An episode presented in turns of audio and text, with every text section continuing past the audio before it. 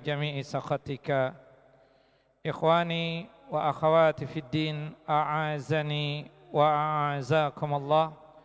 Bapak dan Ibu yang selalu dimuliakan oleh Allahu Jalla wa Ala Majlis Taklim Masjid An-Nur Kasagoya yang saya dalam lindungan dan penjagaan Allahu Jalla Jalalu Melanjutkan kajian kita pembacaan kitab Al-Kabair.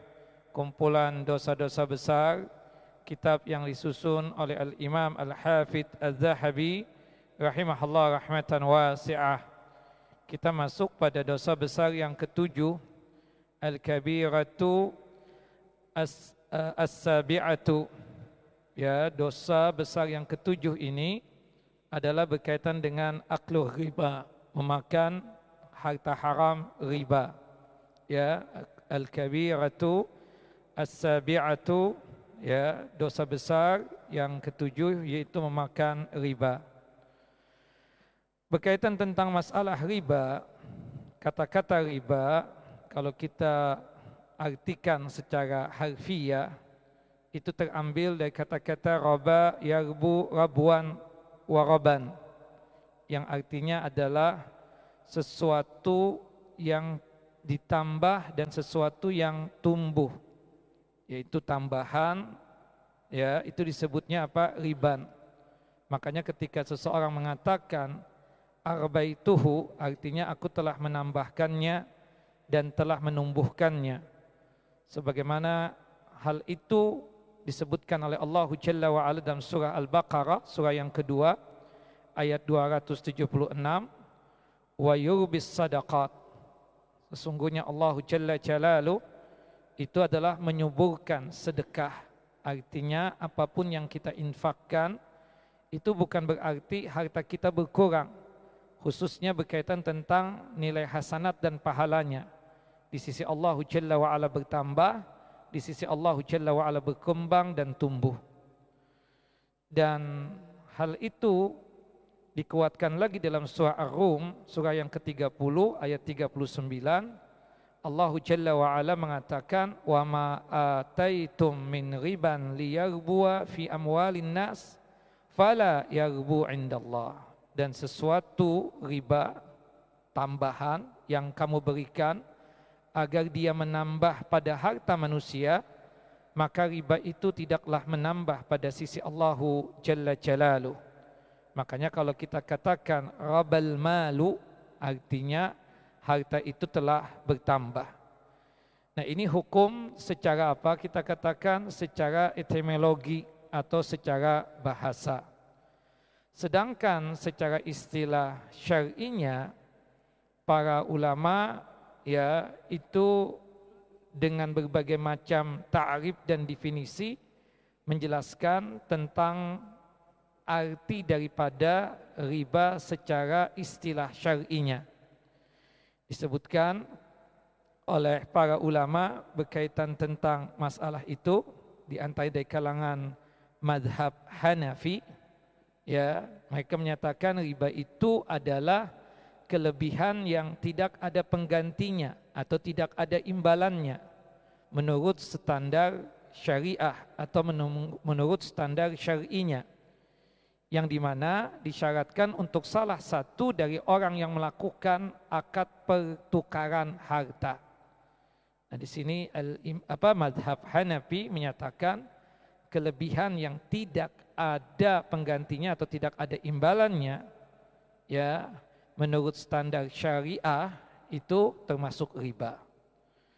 Kemudian sedangkan menurut uh, madhab asy-syafi'i riba itu kata mereka adalah akad untuk mendapatkan ganti tertentu yang tidak diketahui persamaannya menurut standar syar'i atau menurut standar syariah menurut ajaran Islam pada waktu perjanjian atau dengan menunda penyerahan kedua barang yang ditukar atau salah satunya. Sedangkan menurut pendapat dari kalangan madhab hambali yang disebut dengan riba itu adalah perbedaan kelebihan di dalam perkara-perkara apa pun. Imma dia tersebut mengakhirkan di dalam perkara-perkara tersebut atau pada perkara-perkara khusus yang ada keterangan larangan riba dari syariat atau dari ajaran Islam dengan nas ya dengan berdasarkan ajaran Quran dan sunnah Nabi sallallahu alaihi wasallam. Nah, nanti kita bisa memahami apa sih yang disebut dengan riba tersebut. Yang jelas secara bahasa riba itu adalah sesuatu tambahan atau ada ditambah dari akad perjanjian yang dia lakukan. Nah, riba itu secara umum ya itu terbagi menjadi dua bagian. Riba secara umum itu terbagi menjadi dua bagian. Yang pertama adalah riba ya an-nasi'ah riba nasiah itu ya riba nasiah itu adalah riba karena mengakhirkan ya uh, waktu atau tempo yaitu kemudian dengan tambahan-tambahan tertentu. Tambahan nilai hutang sebagai imbalan dari tempo yang diundurkan di mana riba an-nasiah atau nasiah itu kan mengakhirkan karena tambahan ini sebagai imbalan dari tempo hutang yang diundurkan. Hutang tersebut biasanya karena penjualan barang atau hutang. Hal itu disebutkan oleh Allah Jalla wa ala berkaitan dengan riba an-nasi'ah ini uh, di dalam Al-Qur'anul Karim dalam surah Al-Baqarah surah yang kedua ayat 278 sampai ayat 279. Ya, yang di mana Allah Jalla wa ala mengancam para pelaku riba ini untuk mengajak perang Ya ayyuhalladzina amanu ittaqallaha wa dharu ma baqiya minar riba in kuntum mu'minin. Wahai orang-orang yang beriman, bertakwalah kalian kepada Allah Jalla Jalaluh, takutlah kalian kepada Allah Jalla wa ala dan tinggalkan ya sisa dari riba sedikit juga pun. Makanya di sini masalah riba mau besar mau kecil semuanya terlarang. Wa ahallallahu al-bai'a wa harrama riba. Allah Jalla wa'ala menghalalkan jual beli dan mengharamkan riba. Mau sedikit, mau banyak. Mau berlipat ganda atau tidak. Dengan dalil ini menunjukkan bahwasannya sisa-sisa riba itu harus ditinggalkan dan harus ya dihilangkan jika kalian betul-betul beriman kepada Allah Jalla wa'ala. Fa illam taf'alu fa'adhanu biharbin minallahi wa rasuli. Jika kalian masih saja melakukan perbuatan riba, maka Allah Jalla wa'ala mengiklankan perang untuk para pelaku tersebut. Tidak hanya tidak hanya Allah Jalla wa'ala mengiklankan perang, tapi juga Rasulullah SAW juga mengiklankan peperangan untuk para pelaku riba tersebut. Wa in tubtum falakum ru'usu amwalikum la tadlimuna wa la tudlamun. Jika kalian tersebut bertaubat, maka yang diambil itu pokok dari modalnya saja jangan dilebihkan. Kalian tidak dizalimi, ah, kalian tidak berbuat zalim dan kalian juga tidak dizalimi. Nah, ayat ini merupakan nas yang tegas bahwa yang menjadi hak orang yang berkaitan dengan utang piutang adalah pokok hartanya saja. Berapa utangnya? Sejuta. Jadi ketika nanti minggu depan dikembalikan, ya satu juta rupiah juga. Jangan ada akad perjanjian. Nah, gambarannya sebagai berikut ya. Kalau kita melihat riba an-nasi'ah ini disebutkan berkaitan tentang keharaman riba an-nasi'ah. Riba nasi'ah ini juga disebut riba al-jahiliyah. Ya, ini yang terjadi di zaman dulu itu. Karena riba ini yang dilakukan oleh orang-orang jahiliyah pada zaman dahulu itu. Ya, hutang misalnya hutang satu juta kemudian nanti dikembalikan satu juta seratus. Nah ini riba ya kan seperti itu riba an-nasi'ah. Temponya apa? Seminggu. Kalau seminggu tambahannya seratus. Kalau satu bulan tambahannya dua ratus. Ya kan seperti itu riba nasi'ah namanya. Riba an-nasi'ah ini juga disebut dengan sebutan oleh Al-Imam Ibnu Qayyim rahimahullah rahmatan wasi'ah dengan sebutan riba jeli al-jeli jali itu nyata, jelas, jelaslah akad apa akad uh, utang piutang itu kita berhutang satu juta tapi berhubung bayarnya setelah satu pekan atau minggu depan maka dikembalikan nanti satu juta plus seratus ribu. Nah ini riba. Nasiah itu artinya tempo, sebulan, dua bulan, tiga bulan, ya. Kita pinjam hari ini, nanti bayarnya pekan depan, bulan depan, ada tambahannya. Nah itu riba nasiah, namanya toh riba jeli. Riba yang jelas nampak, nyata. Atau sering juga disebut dengan riba ad-dain atau riba ad-duyun. Dain atau duyun itu, itu tidak lain adalah utang piutang Ya biasanya kan kalau kita berhutang hari ini sejuta, nanti pekan depan dibayar satu juta seratus. Nah ini riba nasiah namanya, seperti itu. Banyak sekali komentar ulama tentang masalah ini. Di antaranya Imam Ahmad bin Hambal mengatakan riba ini, yaitu riba nasiah ini, itu adalah seseorang yang memiliki piutang. Lalu dia berkata kepada orang yang berhutang. Dia berkata, kita misalnya meminjamkan uang kepada seseorang satu juta. Kemudian kita bilang kepada dia, Ana mau ngasih antum pinjaman atau piutang sebanyak satu juta, tapi nanti tolong antum mengembalikan kapan? Pekan depan. Tolong nanti ada tambahan seratus ribu ya, satu juta plus seratus ribu. Ini yang dikatakan oleh Imam Ahmad yang disebut dengan riba an-nasi'ah tersebut. Naam, yaitu takhir, nasi'ah itu takhir. Karena dia itu melunasinya eh, apa minggu depan, pekan depan atau bulan depan, maka ya ada tambahannya seperti itu. Atau misalnya begini, ada juga yang mempermisalkan riba an-nasi'ah tersebut seperti ini. E, antum berhutang, ya mengasihkan satu juta, pekan depan bayar satu juta lagi. Eh ternyata pas di hari yang ketujuh itu antum nggak bisa bayar. Nah, antum nggak mau bayar kan? Untuk pekan ini padahal perjanjian hari Ahad atau hari Minggu pekan depan itu antum bayar. Pas hari haknya nggak bisa bayar. Dia bilang, kalau nggak mau bayar sekarang sejuta itu berarti antum ada tambahan. Nah berarti itu apa? Riba an-nasi'ah juga kan seperti itu atau riba al-jali. Nah, nah ini juga yang dikatakan oleh al-Imam Ibnul Arabi. Ibnul Arabi ini dari kalangan madhab Maliki. Beliau mengatakan orang-orang jahiliyah dahulu biasanya berniaga dan melakukan riba. Riba di kalangan mereka telah terkenal seseorang menjual kepada orang lain dengan hutang.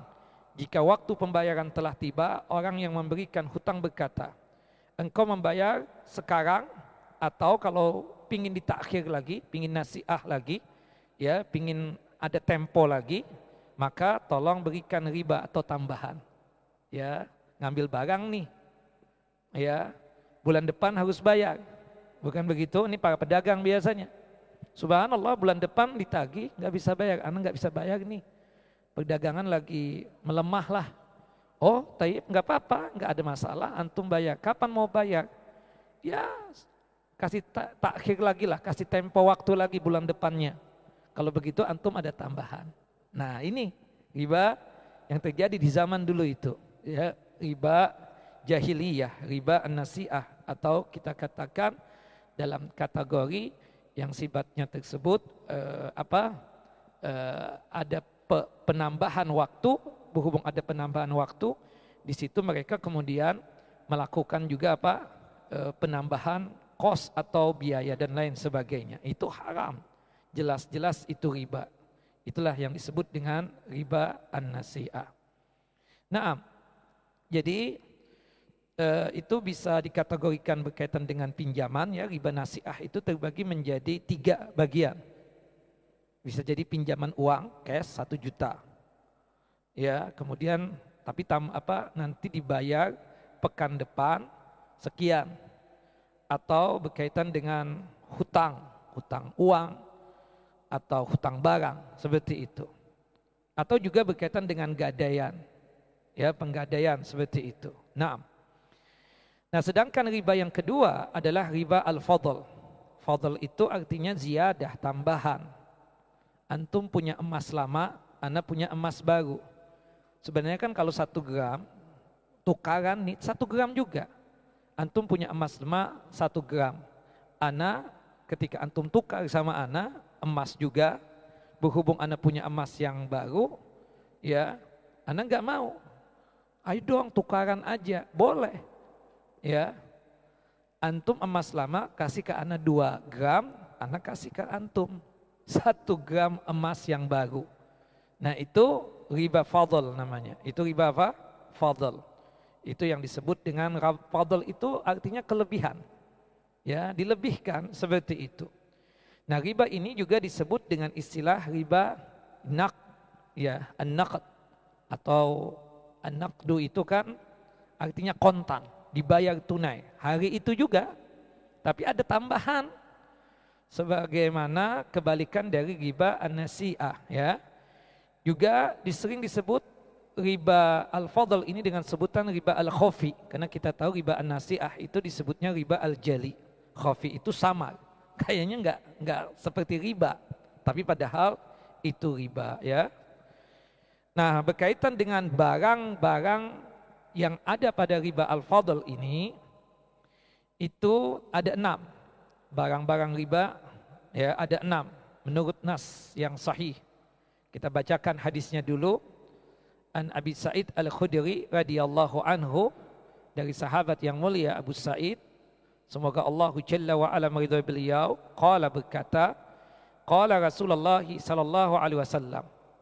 Rasulullah sallallahu alaihi wasallam bersabda adz-dzahabu bidz-dzahab emas dengan emas satu gram emas lama ditukar dengan emas baru satu gram juga wal fiddah bil fiddah perak dengan perak. Sama nilai gramnya itu berapa perak itu. Kemudian wal bur bil bur. Bur itu jenis gandum ya. Ada yang mengatakan bur itu masih berwujud biji, biji gandum. Berapa nilainya? Sekilo ya sekilo. Was sa'ir bis sa'ir. Sa'ir itu sudah jadi tepung terigu. Sama. Satu kilo ya satu kilo nanti tukarannya. Oh ini beda merek, ini beda jenisnya sama, harus sama. Hatta beda merek. Hatta beda jenisnya. Watamru bitamar. Kurma dengan kurma. Kurma kan banyak macam bagiannya. Ada sekitar 90 jenis macam kurma itu. Ada kurma ajwa, ada kurma majul, ada kurma sofari, ya, ada kurma kholas dan macamnya. Antum tukar Ya kan? Kurma dengan kurma. Meskipun jenisnya beda. Antum punya satu kilo, ya Anas punya satu kilo. Makanya solusi agar tidak rugi. Kurma majul kan lebih mahal daripada kurma kholas. Kurma apa ajwa itu lebih murah daripada kurma sofari itu. Kalau misalnya tukaran kurma kita, timbangannya harus sama. Satu gram, satu gram. Gue inti kan punyanya kurma kholas. Iya, tapi kurma juga kan antum inginnya. Berarti harus sama timbangannya. Satu kilo, satu kilo. Ya. Subhan, apalagi kurma apa? Majul itu. Itu kan besar-besar itu. Ya. Dapatnya kurma kholas kecil-kecil. Paling berapa hitungannya? Dan mahal kan? Enggak mau. Makanya solusinya Wa idakhtulifat ajnas apabila berbeda jenisnya itu supaya jangan sampai terjadi yang namanya riba itu ya sudah itu harus hari itu juga akadnya dengan ya jenis yang berbeda kita tukarnya. Antum punya kurma anda punya uang. Sekilo berapa tuh? Nah, ya kan? Seperti itu. Allah alam. Nah kemudian apa? Ya dan dia din langsung. Sekilo, iya, oke. Okay. Kalau misalnya hutang, anak ke mana utang dulu ya, berapa tuh sekilo? Sekilo misalnya uh, eh, 50 juta, apa? 50 ribu. 50 ribu misalnya, atau 100 ribu. Ambil dulu, nanti bayar 100 ribu juga. Seperti itu. Nah, enggak boleh. Oh, ini sudah naik nih harganya. Berarti antum bayar berapa misalnya? 200 ribu atau 100 ribu, enggak bisa seperti sesuai dengan harganya. Nah, kemudian wattamar bitamar wal milhu bil milh. Garam dengan garam, nilainya takarannya sama. Takaran itu pakai gram apa takarannya? Takaran, gram. Gram. Jenisnya kan beda-beda. Ya, mereknya beda-beda juga. Harus sama. Mislan bi mislin harus sama ya serah terima mislan bimislin itu harus sama timbangannya ya dan biadin harus apa kita katakan serah terimanya di tempat ya dan biadin itu langsung tangan anak tangan antum maksudnya serah terima ya antum punya kurma apa misalnya? Kurma ajwa anak kurma uh, khalas misalnya harus hari itu juga harus pas waktu akad itu juga ya di tempat yang sama. Kemudian faman zada awistazada barang siapa yang menambah atau minta ditambah ya faqad arba al akhidhu wal mu'ti fihi sawa. Barang siapa yang menambah dan meminta tambah berarti dia melakukan riba yang mengambil dan yang diberi yang memberi dalam hal ini adalah hukumnya sama. Nah, makanya kan ada kejadian beras dengan beras. Antum orang tua antum dulu memang utangnya apa? Beras. Sudah bayar belum? Belum. Tahun berapa? Tahun 80-an Allahu Akbar. Belum bayar, iya waktu itu uh, kakak anak, abang anak yang paling tua kawin. Waktu itu abah masih miskin. Akhirnya pinjam sama tetangga. Anak kenal tetangga tersebut. Dulu main sering ke rumahnya. Nah dia itu datang kepada anak keturunan abah ini. Dia nagih. Nah yang dikasihkan kepada dia berapa dulu? Hitungannya kuintal suatu kuintal beras ya kan seperti itu. Subhanallah yang antum harus kasihkan kepada dia Pak, beras apa uang?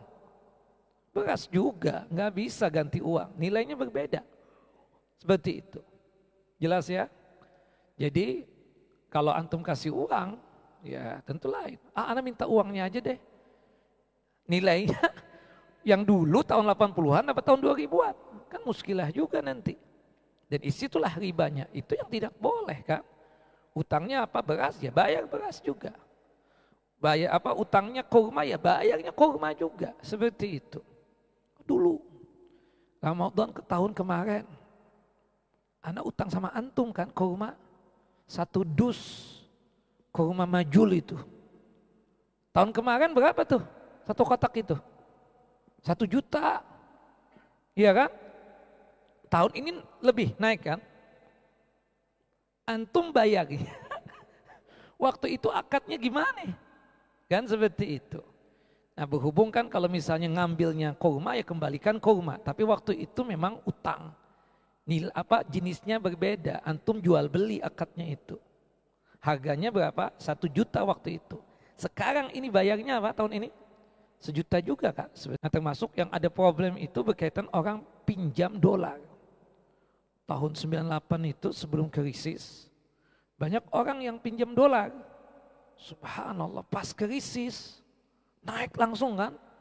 Tadinya berapa cuma 2000 perak. Subhanallah naik sampai 16 16 ribu, 15 ribu. Ya, sekarang aja 14 ribu mungkin ya, atau 15 ribu lah sekarang. Nah dia datang, Abah Antum, waktu sebelum 98 itu ngutang. Utangnya apa? Dolar. Berapa? 2000 dolar. Yang anak kembalikan apa? Rupiah apa dolar? Dolar juga. Kalau anak kembalikan rupiah, berarti apa? Riba di situ. Ya kan? Seperti itu kira-kira. Nah itu solusi ya dari Islam ini supaya jangan jadi pertikaian, persengketaan harus yang dikembalikan itu sejenis seperti itu. Utangnya dolar ya bayarnya dolar. Seperti itu. Eh, dia nuntut. Anak pingin rupiah aja. Ya kan nilainya berbeda. Jadi dia hitung dolar sebelum 98 itu cuma 2000 perak kan. Nah jadi 2000 2000 perak kali 2000 dolar kan. 2000 kali 2 berapa? Berarti berapa juta doang gitu kan. Tapi kalau sekarang 2000 dolar nilainya beda kan kalau rupiah itu. Nah itu yang tidak boleh. Jadi ketika ada kasus begitu kita tanya dulu utangnya apa? Utangnya dolar. Memang abah ana dulu utangnya dolar. Antum kewajibannya bayarnya dolar bukan rupiah. Apalagi dengan nilai yang dulu itu. Nilai yang sekarang orangnya minta rupiah, nilainya yang sekarang jelas-jelas riba juga kan seperti itu. Wallahu alam. Nah ini sedikit tentang gambaran apa riba tersebut. Sedikit tambahan ya. berkaitan dengan gambaran-gambaran berkaitan tentang masalah riba. Misalnya riba dalam masalah pinjaman. Ya, riba dalam masalah pinjaman. Tadi sudah secara gamblang kita menyebutkan. Ada si pulan misalnya dia punya utang ya anggaplah satu juta. Ya kemudian dia mengatakan kepada orang yang meminjam uang kepadanya. Misalnya anak sama antum, antum utang sama anak, ini satu juta. Anak ngasih pinjaman satu juta buat antum, tapi nanti antum kembalikan kepada anak satu juta seratus. Itu riba jelas. Maka inilah ya riba dan hukumnya apa? Haram. Dan kategori pinjaman yang ada di tempat-tempat itu ya antum pinjam bunganya berapa persen, riba enggak? Riba lah jelas itu. Ya, itu jelas apa? Riba. Terkena ancaman Allah Jalla Jalaluh di dalam Al-Qur'anul Karim dalam surah Ali Imran, surah yang ketiga ayat 130 ya ayyuhalladzina amanu la ta'kulu riba ad'afan mudha'afa. Wahai orang yang beriman, janganlah kalian memakan riba dengan berlipat ganda. Bertakwalah kalian kepada Allah agar kamu mendapatkan keberuntungan. Nah, Kemudian juga digambarkan juga seperti ini. Seseorang meminjam sejumlah uang dari orang lain. Lalu si pulan, misalnya anak lah, ya, memberikan pinjaman kepada orang, kepada antum misalnya. Kemudian, ya, dia tersebut mengatakan dengan syarat tertentu, anak mau kasih pinjaman kepada antum. Tapi tanah antum yang di belakang itu jual ya. Nah, ini riba juga. Sama udah. Mensyaratkan begitu nggak boleh itu. Ya oke, okay, fine. Anak kasih pinjaman berapa? Satu M, oke. Okay. Tapi tanah yang di situ, rumah yang di situ dijual ke mana? Ini nggak boleh orang nggak mau jual dipaksa untuk jual. Ini juga termasuk kategori apa? Riba. Itu yang dikatakan oleh uh, Al Imam Abu Bakar ya Al Jassasah. Nah, rahimahullah rahmatan wasi'ah. Itu riba berkaitan dengan pinjaman. Ada riba dalam masalah hal utang. Ya. Seperti misalnya yang kita katakan tadi dia berkaitan dengan nasiah ini. Minggu depan bayar harus sejuta. Pas hari hanya nggak bisa bayar. Ah, kalau begitu apa? Antum tambah. Antum pingin akhir bulan ini berarti tambah dong. Seperti itu. Atau kalau zaman sekarang ini apa? Bunganya aja ya bayar. Subhanallah yang apanya yang dipinjam itu nanti aja, pokoknya nanti aja. Nah itu jelas, riba itu. Nah ini beberapa hal yang berkaitan dengan masalah utang piutang. Yang jelas ini ancaman yang sangat luar biasa bagi para pelakunya. Nah berhubung kita ini kan pembahasannya tentang masalah dosa besar berkaitan dengan para pelaku riba ini. Jadi yang lebih kita tonjolkan bukan fikihnya. Fikihnya nanti tanya sama ustadz yang mengajarkan fikih itu cuma sekilas info saja bahwasanya riba itu secara bahasa artinya apa? tambahan. Dan riba itu secara umum terbagi menjadi dua. Ada riba an-nasi'ah, ada riba fadl. Riba nasi'ah itu berkaitan dengan seseorang yang jatuh tempo ketika dia punya utang baik barang ataupun uang, kemudian si peminjam si pemberi pinjaman ini itu memberi menambahkan tambahan lagi. Sedangkan riba fadl itu biasanya berkaitan dengan enam hal tadi yang disebutkan oleh Nabi kita Muhammad sallallahu alaihi wasallam, emas, kemudian perak, kemudian gandum, kemudian tepung terigu ya kan? Kemudian apa? garam ya. Itu yang disebutkan oleh Nabi kita Muhammad SAW termasuk juga kurma ya kurma. Nah ini jenis-jenis yang berkaitan tentang masalah apa kita katakan berkaitan dengan masalah riba fadl. Jadi kalau antum ya beli kurma, kalau antum misalnya harus nih beda jenis. Ini satu kurma majul, satunya kurma khalas. Kalau misalnya tukaran kurma harus satu kilo satu kilo. Makanya kan untuk menghindari riba tersebut, udah gini aja deh. Antum kan pingin kurma khalas anak. Anak jual sekilo berapa Ustaz? Sekilo Murah kan? Kuma khalas paling berapa ya? Eh, 80 ribu. Tapi majul nggak ada apa. Berapa ya? 200 ribu. Iya kan? Khalas. Nih 80, setelah itu antum, Anda beli kuma antum deh Ustaz. Kuma apa? Kuma majul tadi. Itu 200 ribu kan sekilo seperti itu. Nah jadi seperti itu solusinya juga. Tapi kalau misalnya tukaran kurma aja Ustaz, harus timbangannya apa? Sama. Ugi dong, ya kan? Ugi, jelas lah. Seperti itu. Makanya ya dan biyadi. Nah makanya dalam hadis yang lain begini konteksnya Nabi SAW mengatakan. La tabi'u az-zahab biz-zahab illa maslan bimasalin. Janganlah engkau jual emas ditukar dengan emas, melainkan sama dengan sama. Satu gram, satu gram. Karatnya berapa? 24 karat. Harus 24 karat juga. Kan seperti itu. Kemudian kok disebutkan di sini, janganlah engkau lebihkan sebagian di atas sebagian yang lain. Wala tashfu ba'duha ala ba'd. Wala tabi'u al-waraq bil waraq illa masalan bimasalin. Janganlah engkau jual perak ditukar dengan perak, melainkan sama dengan sama jenisnya dan janganlah engkau lebihkan sebagian dengan sebagian yang lain. Termasuk juga disebutkan wala tabi'u min iban binajizin dan janganlah engkau jual sebagian yang diserahkan dengan kontan ditukar dengan yang lain yang tidak diserahkan dengan kontan. Gak bisa harus kontan bayarnya bayar segala. Seperti itu. Nah kalau yang nasihat itu biasanya berkaitan dengan kredit tuh. Kredit sih boleh nggak? Antum jual barang, mobil. Berapa Pak? 100 juta. Oke ya. Tapi anak nggak ada fulus. Ustadz mana banyak fulus. Ya, nggak antum kan pedagang. Alas nih anak kasih uang muka 50 juta. Sisanya boleh ya dikredit, dicicil. Boleh nggak begitu akad? Sesuai, eh, oke. Berapa bulan Ustaz? Ya udah, lima bulan. Nah antum hitung, per bulan sekian Ustaz ya. Boleh nggak begitu? Boleh, nggak ada masalah yang demikian. Nah kalau seperti ini boleh nggak?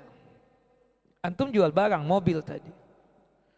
Ustadz, kalau antum cash 100 juta. Tapi kalau misalnya antum cicil kredit jadi 120 juta. Boleh apa enggak boleh? Itu termasuk tra dua transaksi enggak? Kenapa antum bilang? Enggak, dia benar enggak, enggak dua transaksi. Dia kan cuma menawarkan. Ustadz, antum pingin bayarnya cash apa kredit? Iya dong. Kan penawaran baru, belum deal kan? Anda pingin cash pak, 100 juta. Berarti transaksinya satu apa dua? Satu. Ana ingin yang 120 juta kredit. Berarti transaksinya satu apa dua? Satu tetap. Ya, jadi apa kita katakan? Bahwasanya itu boleh yang demikian. Kenapa? antum tadi 100 juta jual ke anak karena sohib karena ustadz anak kata antum anak mau itu 100 juta. Coba kalau misalnya dia datang ke toko orang lain. Iya enggak pak? Nggak bakalan mau. Wugi anak kata antum kan seperti itu. Karena ada perputaran dalam masalah bisnisnya antum dagangnya antum itu. Makanya dinaikkan harganya. Karena bayarnya itu dengan cara kredit dengan waktu yang diperlambat tadi maka ditambahkan. Tidak mengapa yang demikian. Itu bukan apa? Bukan riba. Dan itu bukan juga berkaitan dengan dua transaksi yang dilarang oleh Nabi kita Muhammad sallallahu alaihi wasallam. Naam. Disebutkan di dalam hadis yang lain. Hadis yang dikeluarkan oleh Al-Imam Al-Bukhari dan juga oleh Al-Imam Muslim ya disebutkan kaidahnya tadi itu az-zahab bizahab emas dengan emas Mau emas baru, emas lama harus sama nilainya. Masalan bimislin sawaun bisawain yadan biyadin. Artinya harus seimbang, sepandan, sama dan dibayarnya tersebut ya secara kontan pada waktu itu juga. Paman zada awistazada faqat arba. Barang siapa yang menambah atau meminta tambahan maka ia telah berbuat riba. Maka oleh sebab itu al-akhidhu wal mu'ti sawa. Pemungut dan yang memberikan ya, memberikan pungutan tersebut dalam hal ini sama, maksudnya berdosa. Kita lihat ancaman-ancaman yang ada berkaitan dengan para pelaku riba ini. Nah, nah kalau kita melihat dari para pelaku riba tersebut ada ancaman di dunia dan ada ancaman di akhirat. Berkaitan dengan ancaman di dunia itu ada dua ancaman. Pertama, pelaku riba di dunia ini dikutuk, dilaknat oleh Allah Jalla wa'ala. Dan terjadinya di mana? Di dunia ini. Dalilnya Ustaz, hadis sahih, hadis dari sahabat yang mulia Jabir bin Abdullah radhiyallahu anhuma. Qala berkata, la'ana Rasulullah SAW akila ar-riba wa mukilahu wa katibahu wa syahidaihi wa qala hum sawaun. Rasulullah SAW melaknat dan memuk, me, melaknat dan mengutuk pemakan riba akila akila riba wa mukilahu pemberi makan riba ya. Subhanallah yang yang minta pinjaman tadi dia ridho dia suka. Nggak apa-apa tambah aja. Dia itu pemakan riba. Sedangkan yang memberikan pinjaman tadi apa? Yang memberikan riba tadi. Dikutuk juga dilaknat. Termasuk ada sekretarisnya. Catat catat tulis tulis. Yang disuruh pegawainya. Tulis juga akhirnya. Bubung pegawai ini toko. Tulis Termasuk yang dikutuk juga. Oh minta saksi dong, datangkan dua saksi. Dia saksikan juga, kena juga itu. Para pelaku riba itu dikutuk dan dilaknat oleh Allah Jalla wa'ala. Sebelum adzan isya. Naam. Ya, di dunia ini para pelaku riba tersebut itu diajak perang oleh Allah dan Rasulnya. Diperangi oleh Allah dan Rasulnya. Subhanallah, barang siapa yang nekat melakukan perbuatan riba, padahal itu jelas dilarang oleh Allah Jalla wa'ala dan dilarang oleh Nabi SAW, maka Allah dan Rasulnya mengiklankan perang bagi para pelaku riba tersebut. Termasuk yang memakan riba. Sama.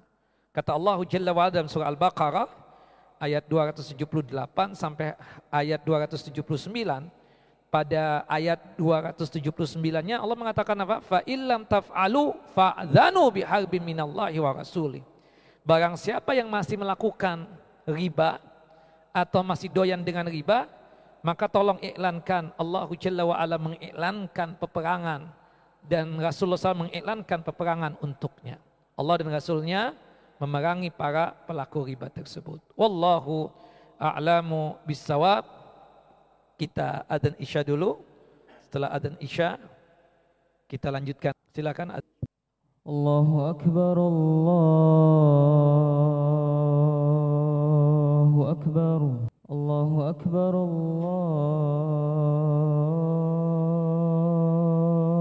الله أكبر. أشهد أن لا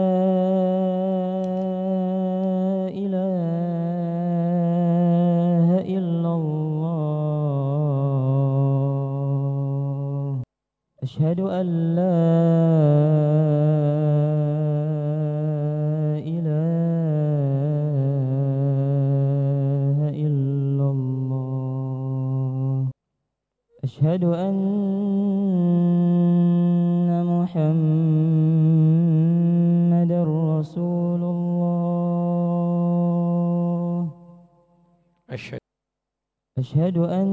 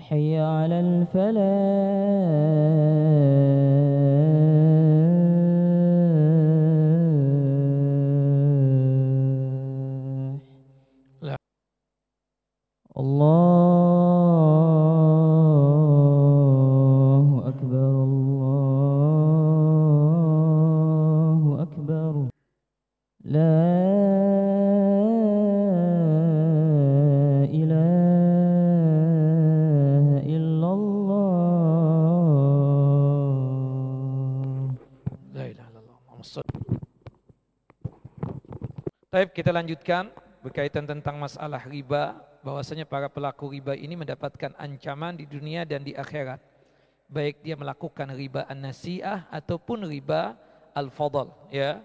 Dua-duanya terkena ancaman. Di dunia tadi dia yang para pelaku riba ini nanti dia dipastikan akan mendapatkan kutukan dan laknatnya Allahu Jalla wa Ala dan juga dikutuk oleh Nabi kita Muhammad sallallahu alaihi wasallam. Kemudian yang kedua para pelaku riba ini di dunia ini dipastikan Allahu Jalla wa Ala dan Rasulullah SAW mengiklankan peperangan untuknya sebagaimana yang Allahu Jalla wa Ala nyatakan dalam surah Al-Baqarah surah yang kedua ayat 278 sampai ayat 279. Sedang dan di, di, di hadis yang lain Nabi kita Muhammad SAW mengatakan Qala Rasulullah SAW Rasulullah sallallahu alaihi wasallam bersabda akilu riba wa mukiluhu wa katibuhu idza alimu dzalika mal'ununa ala lisani Muhammadin sallallahu alaihi wasallam yaumal qiyamah. Orang yang memakan harta riba atau orang yang memberikan harta riba serta juru tulisnya apabila mereka mengetahui hal itu adalah riba tapi tetap mereka melakukannya maka mereka terkutuk dan terlaknat melalui lisan Nabi kita Muhammad sallallahu alaihi wasallam pada hari kiamat kelak. Hadis ini sahih dikeluarkan oleh Al-Imam An-Nasai. Sedangkan di akhirat kelak, para pelaku riba ini akan mendapatkan ancaman tiga hal berikut ini. Yang pertama, para pelaku riba tersebut nanti kalau bangkit dari alam kuburnya, itu seperti dirasuki oleh syaitan. Ya, jalannya sempoyongan sebagaimana disebutkan di dalam firman Allahu Jalla wa ala di dalam Al-Qur'anul Karim dalam surah Al-Baqarah surah yang kedua uh, ayat 275 yang di mana Allahu Jalla wa ala menyatakan alladzina ya'kuluna riba la yaqumuna illa kama yaqumul ladzi yatakhabbathu syaitanu minal mas. Orang-orang yang makan riba atau para pelaku riba ini tidak dapat berdiri melainkan seperti berdirinya orang yang kesurupan atau kemasukan syaitan lantaran tekanan penyakit gila.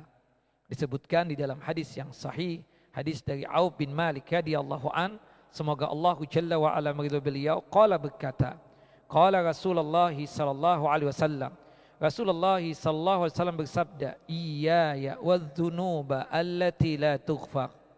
Ya, kata Rasulullah jauhilah dosa-dosa yang tidak terampuni. Apa itu ya Rasulullah? Maksudnya di sini tidak terampuni itu kan ancamannya luar biasa. Seluruh dosa, kalau seseorang membawa dosa itu sampai ke mati, semua hukumnya apa? Tahta masyiatillah, di bawah kehendak Allah Jalla wa'ala. Kecuali satu dosa yang jelas-jelas pasti tidak diampuni oleh Allah Jalla wa'ala yang sudah kita bahas pada pembahasan dosa besar yang pertama yaitu apa? Asyirik dan syiriknya pun syirik apa? Syirik besar, asyirkul akbar. Itu yang mengakibatkan dia tersebut tidak diampuni dosanya dan dia tersebut kekal abadi dalam neraka. Adapun dosa-dosa yang lainnya itu tidak lain hukumnya adalah tahta masyiatillah di bawah kehendak Allah Jalla. Termasuk riba juga. Gimana Ustadz? Ada seorang muslim dia sih sholat, dia sih katanya menunaikan zakat, juga bersedekah, bahkan berhaji dan berumrah. Nah tapi sampai akhir hayatnya dia belum bertobat dari yang namanya riba tersebut. Bagaimana hukum di akhiratnya kelak? Apa kita katakan? Tahta masyiatillah, di bawah kehendak Allah Jalla wa'ala. Insya'a adzabahu, jika Allah Jalla wa'ala berkehendak, bisa saja Allah Jalla wa'ala mampirkan dia ke dalam siksa api neraka dikarenakan dosa riba yang dia lakukan tersebut. Wa insya'a ghafaralah. Tapi jika Allah Jalla wa'ala berkehendak, bisa saja Allah Jalla wa'ala ampuni dosanya. Nah kalau toh dia mampir ke dalam siksa api neraka, tidak kekal abadi dalam neraka tersebut. Pada ujungnya berhubung dia masih ada iman dan Islam, maka dia akan dimasukkan ke dalam jannah dan surganya Allah Jalla wa'ala. Ini keyakinan kita sebagaimana keyakinan yang diajarkan oleh Nabi kita Muhammad sallallahu alaihi wasallam. Cuma ungkapan Nabi di sini berhati-hatilah kalian akan dosa yang tidak terampuni. Maksudnya ini ancaman keras loh dosa ini nggak main-main ini. Sampai Rasulullah mengatakan seperti itu. Bukan mutlak tidak diampuni. Tapi sanksinya dan hukumannya lebih dan ditambah oleh Allahu Jalla Jalalu. Apa saja itu ya Rasulullah? Yang pertama al-gulul. Gulul itu mengambil harta rampasan perang ya sebelum dibagi. Berkhianat misalnya ketika uh, dia sudah menang dalam satu perangan dikumpulkan, toto dia ambil, itu gulul. Nah termasuk gulul itu bisa kita kategorikan kalau zaman sekarang ini apa? Korupsi itu. Ya, para pelaku korupsi itu, para koruptor itu, nah ya maling-maling ya duit rakyat itu, itu para koruptor itu apa? Kita katakan itu tidak lain adalah gulul mereka tersebut. Faman ghalla syai'an atabihi yaumal qiyamah. Barang siapa yang melakukan gulul terhadap suatu barang, dia akan membawa barang itu nanti pada hari kiamat. Dia tunjukkan pada orang yang diambil tersebut, ditunjukkan kepada bawahan-bawahannya, kepada rakyatnya. Allah, na'udzubillah min zalik ya. Makanya hati-hati betul kita. Nah, kemudian wa akilu riba termasuk juga ya dosa yang betul-betul diancam sangat luar biasa sampai dikatakan oleh Nabi. Ini jauhlah dosa-dosa yang tidak terampuni kan? Yaitu pemakan riba. Paman akala riba bu isa yaumal qiyamah majnunan yatakhabbatu. Yatakhabbatu. Barang siapa yang datang pada hari kiamat ya barang siapa pemakan riba dia nanti akan dibangkitkan pada hari kiamat dalam keadaan gila berjalanan sempoyongan. Nah ini ancaman di akhirat sudah kelihatan ya seperti itu. Nah makanya para pelaku riba, siapa pun kita mau kecil, mau besar, mau yang pinjam, mau yang meminjami, taubat, taubat dan nasuha. Ya, jangan sampai kita ini melakukan perbuatan riba tersebut. Kata Nabi SAW dalam satu hadis yang sahih, ya riba itu terbagi menjadi berapa bagian? 60 atau 70 bagian, bukan begitu? Yang paling rendahnya anggaplah tingkatan yang paling rendahnya, tingkatan yang ke-70 itu. Itu diibaratkan oleh Nabi seperti orang yang melakukan perbuatan dosa, Pak. Menzinai ibunya sendiri. Nauzubillah, summa nauzubillah. Dan biasanya orang yang repot dan sibuk ya dengan riba, suka bermuamalah dengan riba, hidupnya nggak bakal berkah. Hancur dan kita ini kita saksikan dengan dua mata kita ini. Ketika kita masih hidup sekarang ini. Bukan sekedar cerita, kita saksikan. Banyak para pekeluh kesah tersebut dulunya Masya Allah mabsud. Ya, artinya enaklah untuk dagangnya, bisnisnya, kehidupannya. Bagus. Tapi karena ingin pingin cepat kaya, akhirnya utang sana, utang sini. Yang tujuannya tersebut tidak lain untuk apa? Kita katakan untuk meningkatkan kekayaannya tadi. Nafsu, toma, ambisi. Padahal kan segala sesuatunya itu bertahap kita katakan. Minta sama Allah Jalla Jalalu dan berikhtiar dan berusaha. Bukan dengan cara-cara cepat yang ujung-ujungnya melanggar syariat. Seperti apa? Riba tadi.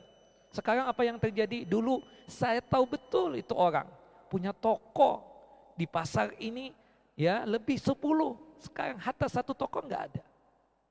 Dulu kita tahu dia itu rumahnya di mana-mana. Eh sekarang habis, ngontrak.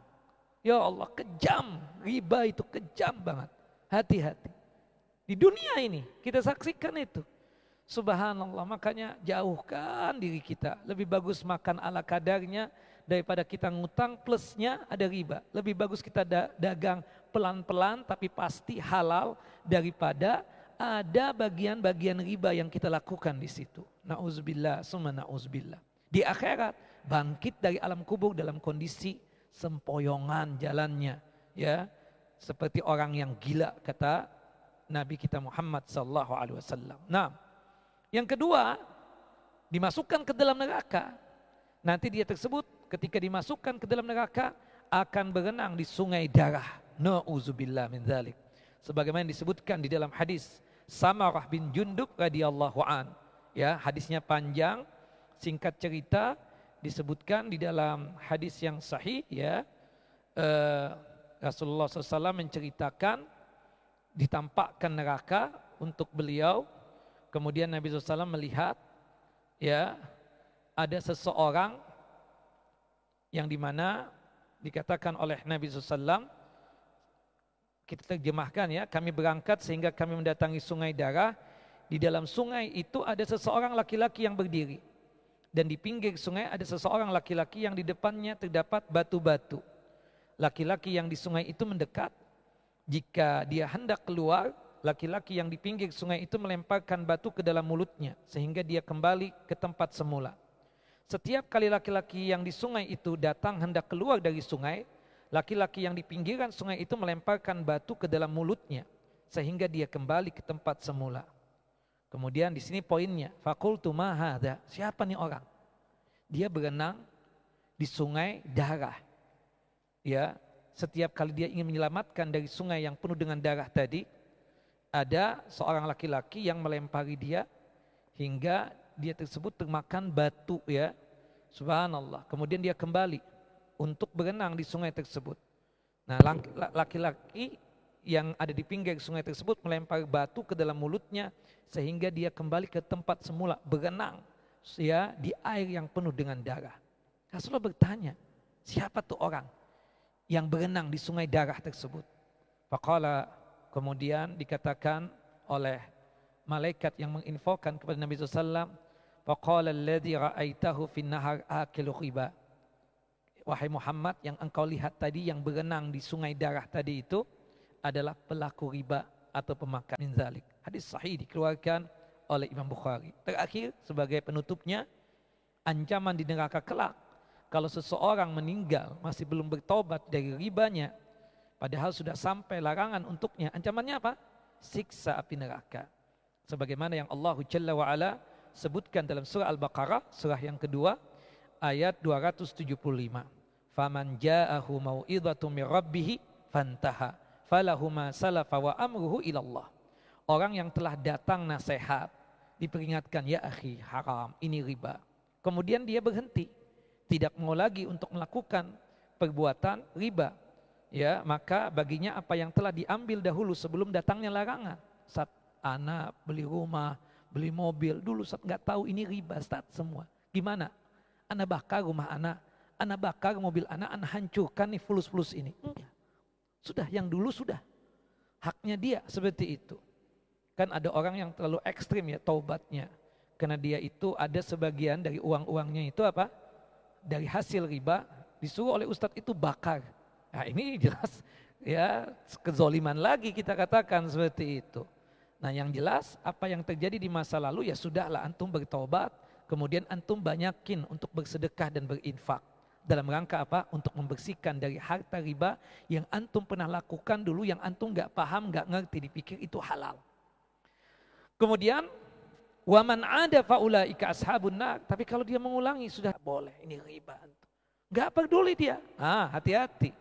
Ya faulaika ashabun nar hum fiha khalidun. Maka mereka tersebut dipastikan termasuk penghuni apa? Neraka. Kekal abadi dalamnya. Kekal abadi di sini maksudnya bukan berarti Eh, sebagaimana syirik besar tidak katakan ini tidak lain simbol lamanya pelaku riba tersebut berada di dalam neraka. Wallahu a'lamu bissawab. Nah ini berkaitan tentang ancaman bagi para pelaku riba. Yang jelas kita sudah bacakan hadis-hadisnya tentang masalah riba. Dan riba ini hati-hati menghancurkan antum. Menghancurkan antum. Rasulullah kau yang mengatakan itu. Ijtanibu as-sab al-mubiqat jauhkan diri kalian dari tujuh dosa besar yang mengakibatkan kalian hancur dan binasa. Termasuk bisnis antum, kehidupan antum, rumah tangga antum. Hancur. Salah satu dari tujuh itu apa? Riba. Wallahu a'lam. Gimana Ustaz? Masih ada waktu? Baik, betul. Nah. Mendirikan perusahaan kau bertobat, maksudnya ada riba kali ya di dalamnya. Antum pilih aja, antum nasehatin hal seperti itu. Kita berlepas diri dari transaksi riba yang antum atau kalian lakukan. Sedangkan kita kan ada saham di situ, yang harta kita saham di situ halal. Ya kita nggak tahu, yang jelas kita bilang bahwasannya kan kalau nilai perusahaan itu pasti ada jelas, nampak tuh uang bunganya tuh ada. Kita bilang, Ana nggak mau mengambil uang bunganya. Ya, mau diapakan? Sedekahkan buat fakir miskin atau bangunkan kamar mandi kamar mandi yang ada di sekitar masjid atau bangunkan jalan kan seperti itu nah tapi untuk pribadi enggak ini uang riba uang bunga anak enggak ambil seperti itu sikapnya Allah nah iya Pak ya. Ya. Ya. Betul. Ya. Betul. Betul. Iya. Tetap antum bayarnya apa? Emas. Bukan harga. Iya betul, itulah tadi. Makanya itu yang dicegah oleh Nabi. Az-zahab zahab Emas dengan emas. Antum kan utangnya emas. Kan seperti itu. Ketika antum utang sama anak, iya naik itu sudah. Makanya menghindari terjadi riba, makanya antum harus mengembalikan kepada anak apa? Emas yang satu gram juga. Bukan nilai harga sekarang emas. Dulu start lima tahun yang lalu cuma 500 ribu. Sekarang lah antum itulah tadi. Itu kan bahasa antum. Itu yang makanya tadi beras dengan beras juga kan. Kalau beras harga sekarang nilainya beda. Makanya supaya jangan ada riba, yang antum kembalikan ke anak apa? Emas juga, pinjamnya kan emas. Seperti itu. Jelas Pak? Oh nggak bisa sepakat itu al muslimuna ala surutihim nggak bisa Pak. Itu melanggar kesepakatan ya sesuai dengan syaratnya kaum muslimin kalau ber, tidak bertentangan dengan ajaran Quran dan Sunnah. Kalau syaratnya itu bertentangan dengan ajaran Quran dan Sunnah haram yang demikian. Itu kan riba Pak. Antum bilang harganya dulu 500 ribu Ustaz. Sekarang Ya begitulah 700 ribu atau 900 ribu sekarang ini. 900 ribu. Antum nggak boleh 900 ribu yang antum kasihkan ke anak. Enggak, anak pingin emas. Satu gram yang 24 karat. Karena antum utangnya emas sama anak. Kalau anak ambil 900 ribu memang anak untung. Tapi di sini anak ada riba di situ. Jelas ya? Antum bayar emas. Ya satu gram satu gram. Terlepas anak jual nanti itu emas. Ya kan anak ada untung kan seperti itu. Tapi yang jelas dia utang sama anak emas. Maka bayar juga sama anak apa? Emas. Kayak dolar. Antum tiga tahun yang lalu kan utang dolar sama anak. Masih ingat nggak? Ya lima ribu dolar. Iya kan? Belum dibayar ini masalahnya. Kemudian antum sekarang ini mau nagih nih. Ya kan seperti itu. Antum kembalikan berapa? Lima ribu dolar juga. Uh, Nah, bahasa tekok hati-hati antum ini. Di, di masjid lagi. hati-hati antum. Wallah istighfar antum ya. Istighfar bertobat kepada Allah. Takutnya ya Allah ini kan malaikat hadir ya kan di kajian kita di masjid juga. Seperti itu. Itu hukum Islam. Untuk menghindari orang yang terzolimi di situ. Ya, terzolimi seperti itu. Enggak bisa kan kasihan. Kata antum tadi tekor, kan gimana zolim dong, anda dizolimi. Loh, Masalahnya antum kenapa pakai terlambat bayar hutangnya kan perjanjian. Dia sudah berjalan sesuai dengan hukumnya. Satu gram ya dikembalikan satu gram. Seperti itu. Wallahu a'lam bisawab. Nah, salam. Iya. Betul. Utangnya berapa? Rupiah kan? Rupiah berapa nilainya? 10 juta kan? Anda ngambil barang sama antum. 5 tahun yang lalu 10 juta. Utang nih, si Ustadz utang 10 juta. Ketemu antum di kajian, nah si Ustadz ngisi kajian. Kesempatan Anda untuk menagih. Iya kan seperti itu. Oke, Anda Alhamdulillah sudah tajir nih sekarang kan seperti itu. Alhamdulillah, ya kan? Nikmat dari Allah Jalla. Anda panggil, Pak, Pak Afwan, Anda maaf. Anda bukannya apa, lost kontak. Nomor telepon antum gak ada. Rupanya antum pindah ke luar negeri katanya. Ketika inflasi kemarin itu. Alhamdulillah ketemu sama antum sebelum anak meninggal. Kenapa Ustadz? Anak ingin bayar utang anak yang sebelum Ustadz anak udah ikhlaskan, intikan Ustadz anak. Sama anak kan, berhubung Ustadz kan begitu. Tapi anak tetap ada beban. Anak mau bayar sama antum 10 juta itu. Gak boleh antum tutut. Kan beda Ustadz 5 tahun sama sekarang Ustadz. Gak bisa. 10 juta, 10 juta kembalikan. Seperti itu. Terlepas misalnya 10 tahun yang lalu, 5 tahun yang lalu yang demikian. Sama kan yang terjadi tuh orang-orang dulu tuh utang sekian berapa? Seperak katanya. Lima perak tahun berapa sebelum kemerdekaan nih ceritanya kan? Dituntut ahli warisnya misalnya. Ya kita kasih, beli ke kota dulu tuh perakan lima perakan. Kok segini doang lima perak apa artinya? Lo begitulah nilainya utang ya begitu sudah. Nggak bisa dilebihkan nggak nilai apa semua. Seperti itu. Makanya seseorang itu kadang nggak mau kan kalau ngutangkan apa? Uang. Dia mau ngutangkan apa? Emas. Emas aman. emas aman. Gini aja saya akhi. Anda nggak ada fulus nih. Anda kebetulan banyak simpanan emas. Mau nggak antum? Ya, utangnya sama anak emas aja. Boleh nggak begitu? Ya, berapa gram antum? Ustaz, anak ngutang 100 gram, Ustaz. Ambil 100 gram. Kemudian antum ambil kan, antum jual ke toko emas. Boleh nggak begitu? Boleh, tapi nanti kalau antum bayar, kayak emas juga. Ternyata naik kan, tadi beliau bilang 500 ribu doang. Harganya 900 ribu sekarang. Itu urusan antum ya akhi. Ya, yang jelas kenapa antum, anak kan sudah bilang, nih emas. Anak nggak ada rupiah. Anak nggak ada dolar juga, anak ada emas. Kalau antum mau, monggo silakan seperti itu. Nah, jelas ya?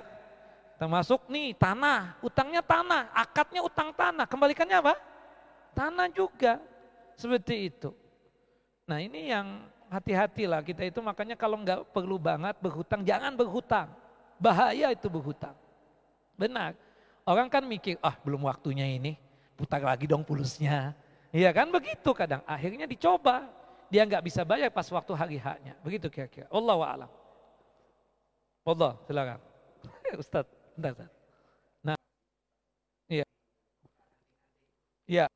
Iya. Kenapa? Iya. Iya. Iya. Menurut antum riba enggak itu? Riba kan? Jelas riba. Kenapa dia enggak gini aja udah? Ya transaksinya itu, anak sih enggak paham tentang masalah emas yang hitungan antum itu. Cuma Anda menggambarkan begini, Antum punya emas baru, Anda punya emas lama. Antum nggak mau dong tukaran satu gram sama dengan emas barunya Antum, kan begitu. Anda juga nggak mau sebagai ustadz Anda paham hukum.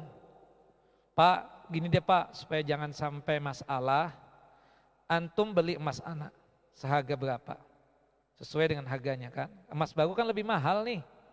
Anda beli juga begitu, lebih sebagai baru dapat duit dari antum, anda beli emas lama. Begitu, untuk menghindari apa? Riba, iya, transaksinya diubah. Lah itu makanya tapi transaksinya itu loh Pak, transaksinya jangan yang seperti itu tadi, jelas riba itu transaksi yang model di, dilebihkan. Nah makanya kita kasih tahu kalau antum sebagai penjual emas, saya ya begitu Pak kira-kira Pak. Kalau enggak antum jatuh ke dalam riba itu yang antum contohkan. Jadi, wah, rupiah Pak ya? Oke, betul. Gak boleh Pak, akadnya begitu. Karena dia utangnya kan rupiah. Seharusnya gini aja, antum punya emas nggak? Punya. Antum jual ke toko emas, berapa nilainya, baru bayar sama anak. Kan begitu. Tapi kalau misalnya antum begitu rubah, itu riba. Iya. Iya sama anak deh Pak, udah apa lagi ya. 50 juta nih. Si Ustadz nggak bayar-bayar ya kan? Susah. Betul, enggak, enggak, Anda mau ngangkat, cuma enggak ada duit masalahnya. Ya, anda mau ngangkat, Pak, kasih rukhsah lagi, Pak. Nah, ya, antum ngancam, dihitung emas. Dosanya dua kali nih, ngancam lagi kan, seperti itu. Nah, padahal kan dalam firman Allah kan, wa inkana usratin fanadiratun ila maisarah. Jika seseorang kesusahan bayar utangnya, maka dikasih tempo lagi dong, kan seperti itu. Memang nggak ada duit si Ustadz, ya Allah Ustadz, Ustadz Antung isi dia Anu Kasogoya, banyak lagi bukan anak ini kan, anak kalau anak bayar deh secara cash, seperti itu. Nah, walhasil ada Ustadz yang nggak bisa bayar sama Antum kan seperti itu.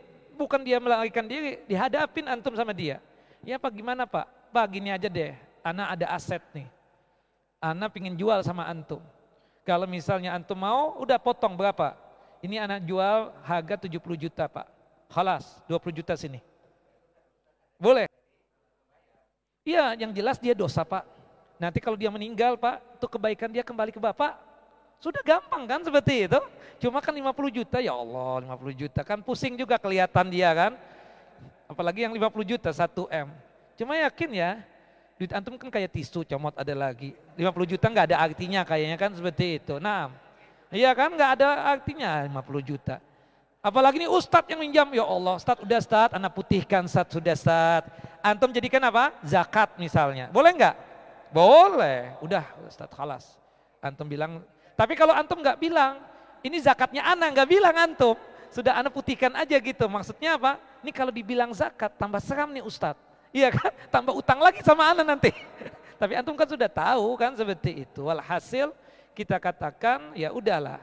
Antum boleh itu potong, antum tahun ini kan mengeluarkan zakat ya 5M, 5M 125 juta kan berarti Ya 50 juta halas deh Pak buat tuh Ustadz. Udah deh putihkan aja daripada antum pusing. Berarti sisanya berapa tuh misalnya kan seperti itu. Nah itu yang dikeluarkan. Waduh ini Anda dimarahin Ustadz nih yang sebelah. Jangan-jangan kasus antum sendiri. Bukan ya. Iya. Betul banyak. Betul punya pulus lah. Iya. Iya begini aja. Antum ngomong Pak, antum kan yang punya duit. Anda nggak ada fulus Pak antum tolong belikan tuh di toko bangunan besi. Nanti antum jual lagi sama anak. Cuma anak terus terang, sekarang gak ada duit nih pak. Terserah antum mau jual anak ke berapa. Gitu aja ngomong. Sana berapa? 100 ribu. Antum mau jual anak 120, oke. Okay. Itu nggak menghindari riba. Iya kan? Iya makanya kita ngajarin, ngajarin supaya jangan riba. Iya, supaya jangan riba. Iya, artinya ngajarin kan kayak beli rumah deh pak, beli rumah Pak ini anak kepingin banget tinggal di Kosogoya sini Pak. Cuma nggak ada duit nih. Antum beli dulu deh. Berapa start? Dilepas sih sama yang rumah yang di depan masjid ini 1 M Pak. Anak nggak ada duit. Udah antum yang beli deh. Antum akhirnya beli. Kemudian gimana nih rumah? Anak yang beli Pak, tapi nyicil. Gak mungkin 1 M dong antum jual sama anak. 1,5 start ya. Dengan cicilan sekian-sekian. Boleh nggak begitu? Boleh, nggak ada masalah. Gampang Pak transaksinya ya seperti itu. Nah, cukup ya? Tep, tep, satu lagi. Waduh, jangan tanya sama Ana deh. Yang jelas hati-hati ya masalah kayak gituan itu. Ya kalau misalnya, ya tanya yang ahlinya lah berkaitan dengan masalah itu. Ana nggak tahu apa liku-liku itu. Kalau masalah berkaitan dengan hukum-hukum yang normal, insya Allah berani jawab. Allah. Udah jangan diomongin, nanti aja tanya sama ustadz yang ngajak di sini itu. Jangan. Udah, jangan yang seram-seram yang nanya sama anak. Anak takut. Nah, wallah ya. Wallahu a'lam bissawab. Sallallahu Nabi Muhammad wa ala ali Muhammad kama sallaita ala Ibrahim wa ala ali Ibrahim. Innaka Hamidun Majid. Allahumma barik ala Muhammad wa ala ali Muhammad kama barakta ala Ibrahim wa ala ali Ibrahim innaka Hamidun Majid. Subhanakallahumma wa bihamdika asyhadu an la ilaha illa anta astaghfiruka wa atubu ilaik. Assalamualaikum warahmatullahi wabarakatuh.